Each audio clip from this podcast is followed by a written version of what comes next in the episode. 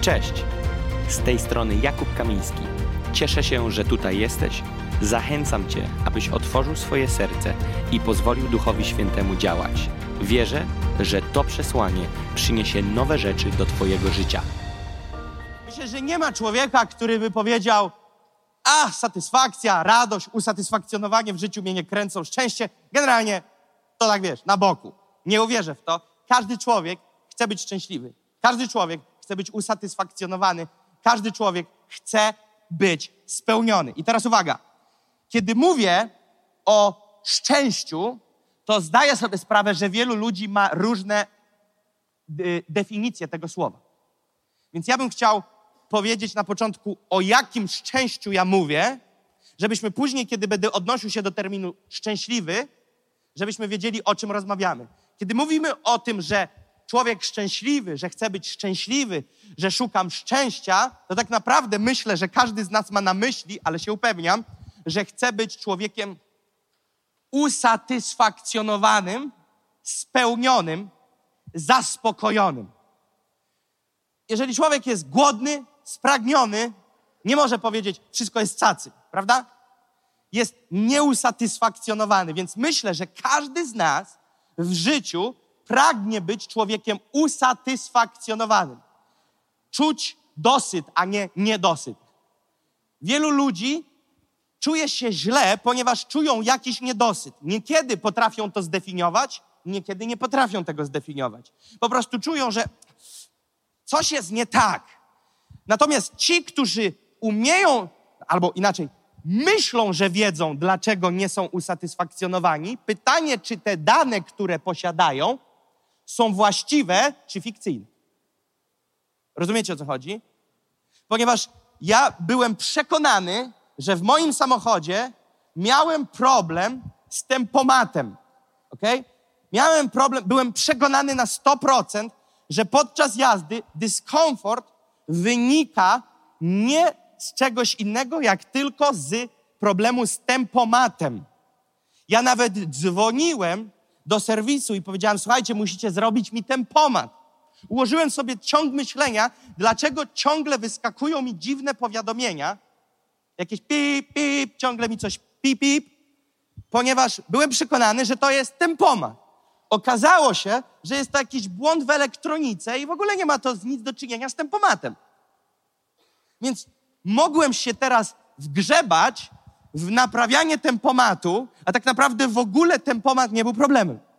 Więc dlatego podzieliłem to na dwa rodzaje, że niektórzy nie wiedzą, dlaczego czują się nie tak, więc nie wiedzą, czy to elektronika, czy tempomat. Niektórzy natomiast są przekonani, że czują się źle, ponieważ tempomat. Ale mogą się mylić, ponieważ wcale nie o tempomat chodzi.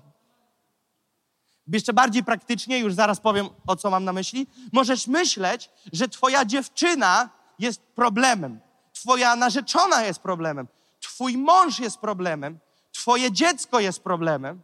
I możesz być przekonany, że to jest źródło twojego braku satysfakcji i szczęścia. I mówisz sobie, gdyby się to poukładało, ale tak naprawdę pojedziesz na serwis i dowiesz się, że to w ogóle nawet nie jest ani trochę na liście problemów.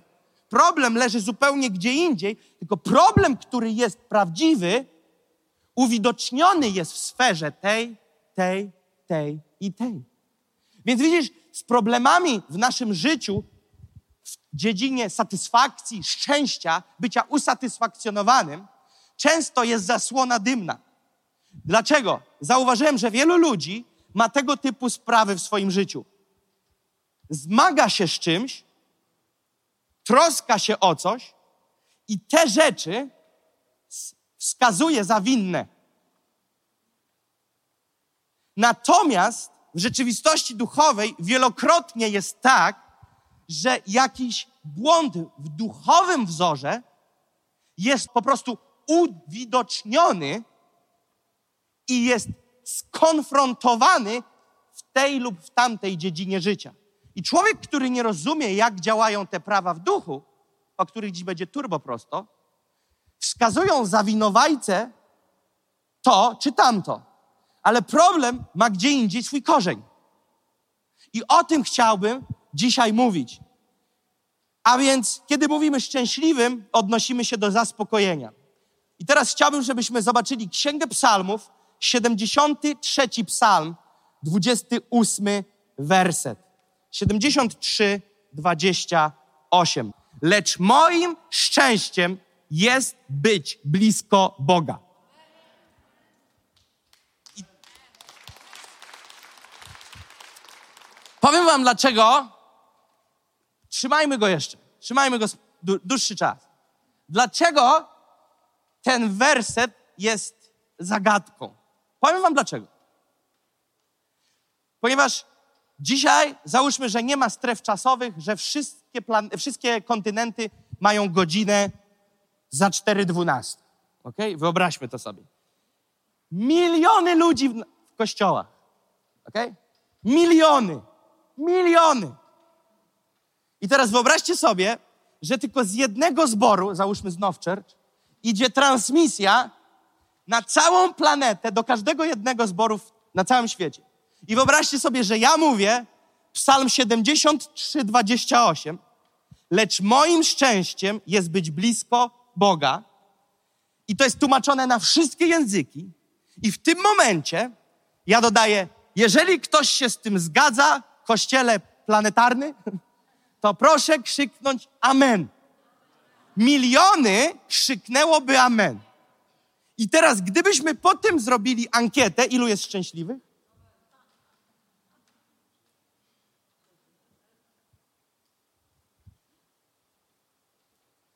Poświęć 10 sekund w tej chwili.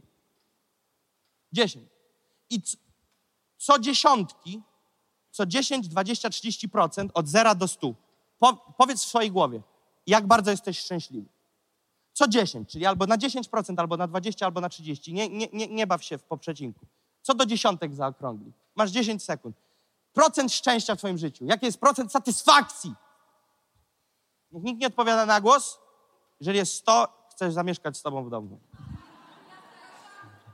Ale żona mnie nie puści. Więc dobra. Macie już? Odpowiedzieliście sobie. Co sprawia, że jest ta liczba, która jest liczbą różnicy między twoim procentem szczęścia a setką? Co sprawia, że wyszło ci tam 70% dziury? Co się dzieje, że masz tam 80, 60, 30, 25, niektórzy 0 procent dziury względem szczęścia. Co się dzieje? Jeżeli mielibyśmy być totalnie zero-jedynkowi, ja uwielbiałem w szkole niewiele rzeczy, ale jedną lubiłem podstawiać do wzoru. Nauczono mnie, że jeżeli podstawisz właściwie do wzoru, zawsze się zgodzi. To mnie, to, tego mnie uczyli. Więc już w szkole uczyli mnie bycia pastorem. Więc gdyby podstawić do tego wzoru, tak zero-jedynkowo, jak po prostu, obok. Zabrać litery i postawić cyfry. Oznaczałoby to, że na ile masz Boga, na tyle jesteś szczęśliwy, a na ile nie masz szczęścia, na tyle nie ma jeszcze Boga. Tak zero-jedynkowo. Zero-jedynkowo.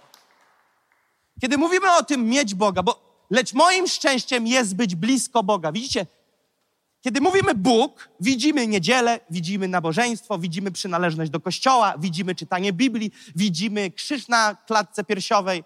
Niektórzy noszą niżej, niektórzy wyżej, zależy od długości łańcucha. Rozumiecie o co chodzi? Kiedy mówimy Bóg, widzimy wiele rzeczy wokoło, ale tak naprawdę tu wskazanie jest na bliskość Boga. Bliskość Boga szczęście jest zależne od bliskości Ciebie przy Bogu. Twoje zaspokojenie, Twoje usatysfakcjonowanie jest zależne od bliskości Ciebie z Bogiem. Halleluja, już jest więcej niż 6%. Już jest więcej niż 6%. Więc widzicie, co się dzieje? Teraz rozbijemy to sobie, ten wzór, na czynniki pierwsze, nie żeby było trudniej, ale żeby było jeszcze bardziej przekonywująco. Więc patrząc na ten psalm, można by powiedzieć, że bycie szczęśliwym jest biblijne. Celowo idę powoli. Wielu musi to przemyśleć, ponieważ religia nauczyła nas, że Bóg jest utożsamiany z długą, pobożną miną, z karami, chłostami, odpokutowywaniem za jakieś turbowiny z kiedyś. Wszystkie kłody pod nogi to Bóg ci zrzuca tartak pod nogi, bo on tak wymyślił, że cię tak dojedzie teraz za twoje błędy.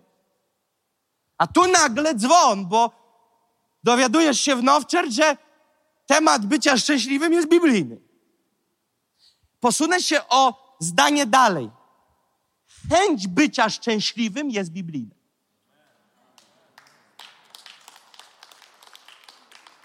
Więc jeżeli już jesteś taki pokręcony, taki jak ręcznik wymieltolony, taki z prania po wirowaniu 1200, taki po prostu jeszcze wysuszony, taki wiór i mówisz, to moja postawa przed Panem. To już wiesz, że nie tak. Im bliżej Boga, tym bardziej szczęśliwy będziesz. I idziemy dalej. Dla, ja będę stawiał dzisiaj takie pytania. Dlaczego jednak, skoro taki jest stan rzeczy, jak Psalm 73, 28, dlaczego w takim razie mamy tak wielu chrześcijan ograbionych ze szczęścia, satysfakcji, zaspokojenia i radości?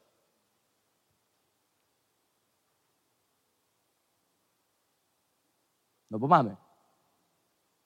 No mamy mnóstwo chrześcijan, którzy wyglądają jak 7 tysięcy nieszczęść. I nie chodzi o trudną chwilę w ciągu dnia, trudny sezon, tylko generalnie człowiek jest przybity. Całe życie, ale w Biblii, we wszystkich wydaniach, które ma, żółtym markerem 7328 wynotowany. Informacja jest, obietnica jest, wyznanie jest, rezultatu nie. Musimy postawić sobie za właściwą tezę to, że nie możesz powiedzieć, chodzę blisko z Panem i jestem nieszczęśliwy.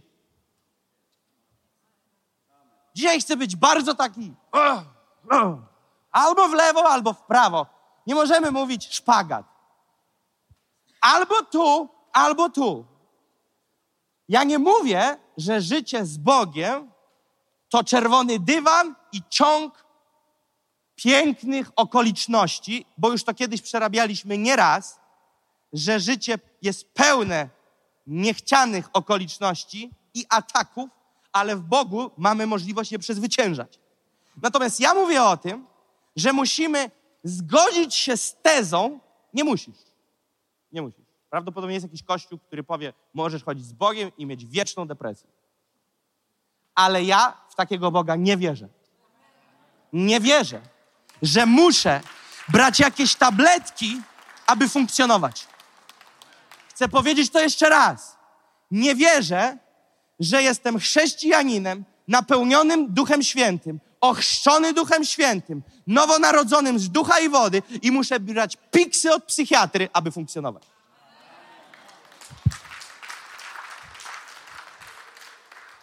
Nie wierzę. Nie wierzę, że Jezus na boku kierował do psychiatry. Nie wierzę, że Jezus mówił: Musimy podciągnąć trochę chemiczne związki w Twojej głowie. Nie wierzę w to. Mówię bezosobowo w tej chwili, w sensie nie kontruję nikogo. Mówię to, co w końcu musi być powiedziane, bo nikt tego nie mówi.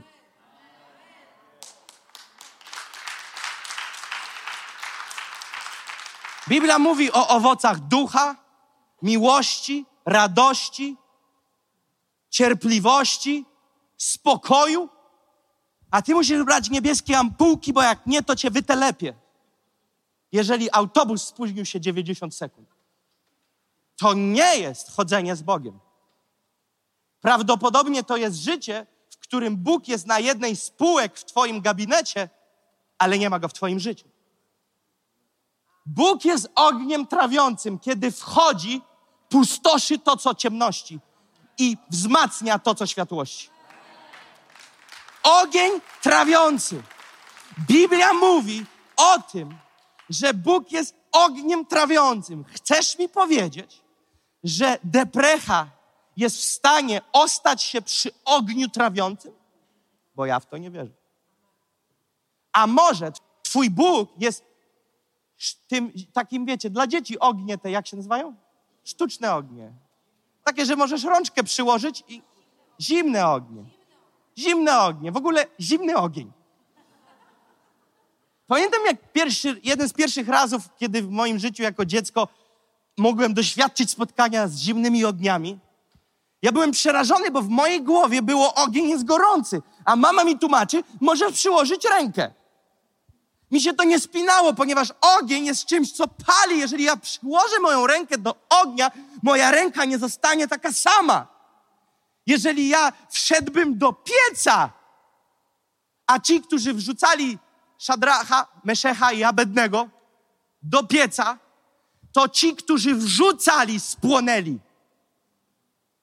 A o ileż bardziej Bóg jest większym ogniem i o ileż bardziej potężniej trawiącym niż ten ogień, który rozpalił człowiek.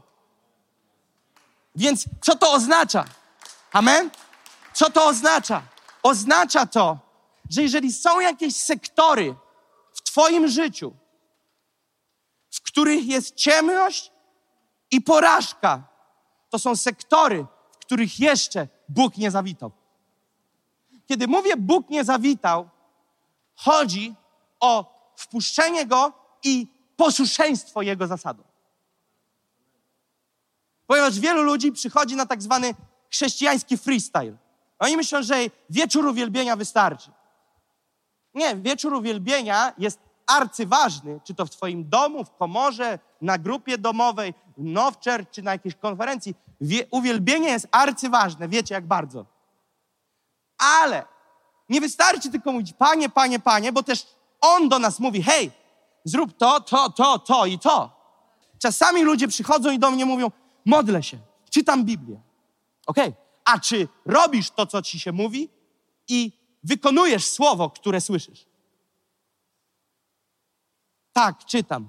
A co z osobami, które są dla ciebie duchowym rodzicem albo duchową ciocią na chwilę, rozumiesz? No, jakkolwiek. I dają ci porady i mówią, wiesz co, czuję, przychodzisz do mnie, pytasz, więc ci mówię, czuję w Duchu Świętym, że powinieneś, powinnaś zrobić to, to i to. Człowiek wychodzi, z tym się nie zgadza, bo co mi jakiś Marcin będzie mówił? I idzie do komory i mówi, panie, panie. A pan mówi, tam jest to, co miałeś zrobić. Nie mówię, że człowiek i jego porada jest nieomylny. Próbuję powiedzieć, że byśmy to też rozgraniczyli, ale nie chcę się nad tym zatrzymać. Bóg i posłuszeństwo temu, co się mówi. Amen? Więc teraz wracamy do pytania. Dlaczego jednak mamy tak wielu chrześcijan ograbionych ze szczęścia, satysfakcji, zaspokojenia i radości? Jana 8,44 mówi tak. Ojcem waszym jest diabeł, to Jezus znowu odpala rakietę w faryzeuszy. Ojcem waszym jest diabeł i chcecie postępować według porządliwości ojca waszego, czyli diabła. On był mężobójcą od początku i wprawdzie nie wytrwał, bo w nim nie ma prawdy. Gdy mówi kłamstwo, mówi od siebie, bo jest kłamcą i ojcem kłamstwa. Rozumiesz? Ty jak kłamiesz, wiesz, że kłamiesz. Diabeł jak kłamie, to jest 100% gwarantu, że on wierzy w to, co mówi, bo Kłamstwo jest jego DNA, on jest ojcem kłamstwa. Więc on jest turbo wierzący w to, co do ciebie mówi. I wzbudza twoją wiarę, abyś uwierzył w jego kłamstwa, które ci on podaje. Więc on jest kim? Przychodzi, aby kraść, zarzynać i wytracać, i jest ojcem kłamstwa i oszukuje nas. Oszukuje nas, wykręca nas jak chce. Teraz jest wielu kłamców na tym świecie, ludzi, ludzi. Ale to są robaczki w porównaniu do ojca kłamstwa. Więc co dalej? Ewangelia Jana 6,35. Zobaczcie teraz, co mówi Jezus. Cały czas są słowa Jezusa. Jana 6,35. Odpowiedział im Jezus: Ja jestem chlebem żywota. Kto do mnie przychodzi, nigdy łaknąć nie będzie. A kto wierzy we mnie, nigdy pragnąć nie będzie. Jezus odnosi się tutaj do głodu i do pragnienia. Głód i pragnienie to są dwa podstawowe elementy, żeby przeżyć. Zabierz jedzenie, pojedziesz może z 40 dni, może będzie jakiś bohater, który 50 przeżyje, ale będzie szybciutko koniec podróży. Zabierz wodę, zostaw burgery, też nie pójdzie. Musi iść w parze jedzenie i picie. Jezus mówi: Ja jestem chlebem żywota. Ja jestem chlebem żywota. Kto przychodzi i je ode mnie i ode mnie pije, nie będzie pragnął ani nie będzie łaknął. Innymi słowy, on powiedział: Ja daję wszelkie funkcje życia.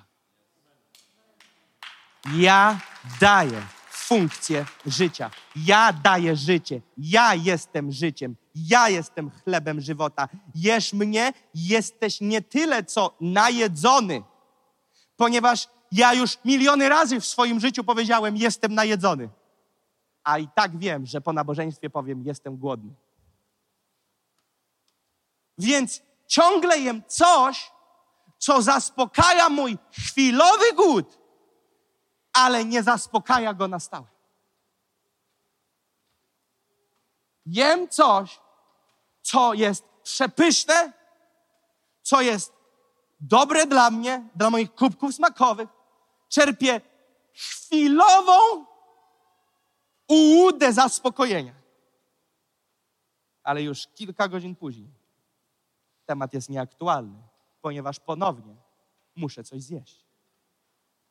Jezus powiedział: Jeżeli zjesz mnie,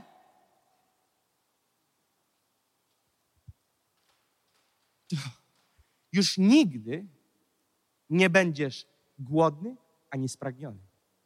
Wiesz, co to znaczy? W pełni usatysfakcjonowany i szczęśliwy. Amen? Ja jestem chlebem żywota.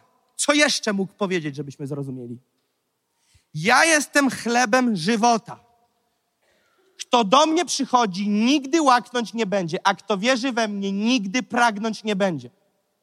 73-28 psalm. Szczęście jest być blisko Boga. Stary Testament znajduje potwierdzenie w słowach samego Jezusa. Zamyka się, uzupełnia się, wypełnia się. Co dalej? Ale Jezus nie poprzestaje na tym i dalej temat wałkuje i w Jana 4,14 mówi tak. Ale kto napije się wody, którą ja mu dam, nie będzie pragnął na wieki. Lecz woda, którą ja mu dam, stanie się w nim źródłem wody wytryskującej ku żywotowi wiecznemu. Kiedy skosztujesz wody, którą ma Jezus, a kiedy mowa jest o wodzie, to mowa jest o Duchu Świętym, to Jezus mówi tak: kto skosztuje Ducha Świętego, nie tyle, co będzie zaspokojony wewnętrznie, ale zaspokojenie z wewnątrz będzie tryskać na zewnątrz. Nie będziesz tylko wewnątrz zaspokojony, ale kiedy ludzie będą Ciebie widzieć, będą widzieć ten gość, ta kobieta, chodzi z Duchem Świętym. To się aż wylewa na zewnątrz. To się aż wylewa na zewnątrz. Duch Święty działa nie tylko w niej, ale i na zewnątrz niej. Dlaczego? Bo się ciągle napełnia i napełnia i napełnia, aż do przelewu, aż do przelewu, aż do przelewu. Genialnie to Jezus rozplanował. Więc tutaj Jezus mówi prosto. Słuchajcie, drodzy panie i panowie, jeżeli ktoś żyje ze mną, wierzy w to, co ja mówię, chodzi z Duchem Świętym i jest blisko mnie, jest zaspokojony, nie będzie miał żadnych braków. Ale uwaga, uwaga! kontynuuje słowo. Ponieważ wokoło was krąży lew ryczący, który czyha, on czeka, aby was pochłonąć i ograbić was z radości, satysfakcji, spełnienia. Chce zrobić wszystko, żeby was okraść. Kiedy próbujesz uzyskać satysfakcję i szczęście z rzeczy tego świata, nie może ci się to nigdy udać, ponieważ one nie mają w sobie satysfakcji. One nie mają w sobie potencjału dodania ci zaspokojenia. To jest chleb i woda, o której Jezus mówił, że zjesz ten chleb, będziesz dalej głodny, będziesz pił tą wodę, będziesz dalej spragniony, ale jak zjesz mnie, nie będziesz już pragnął.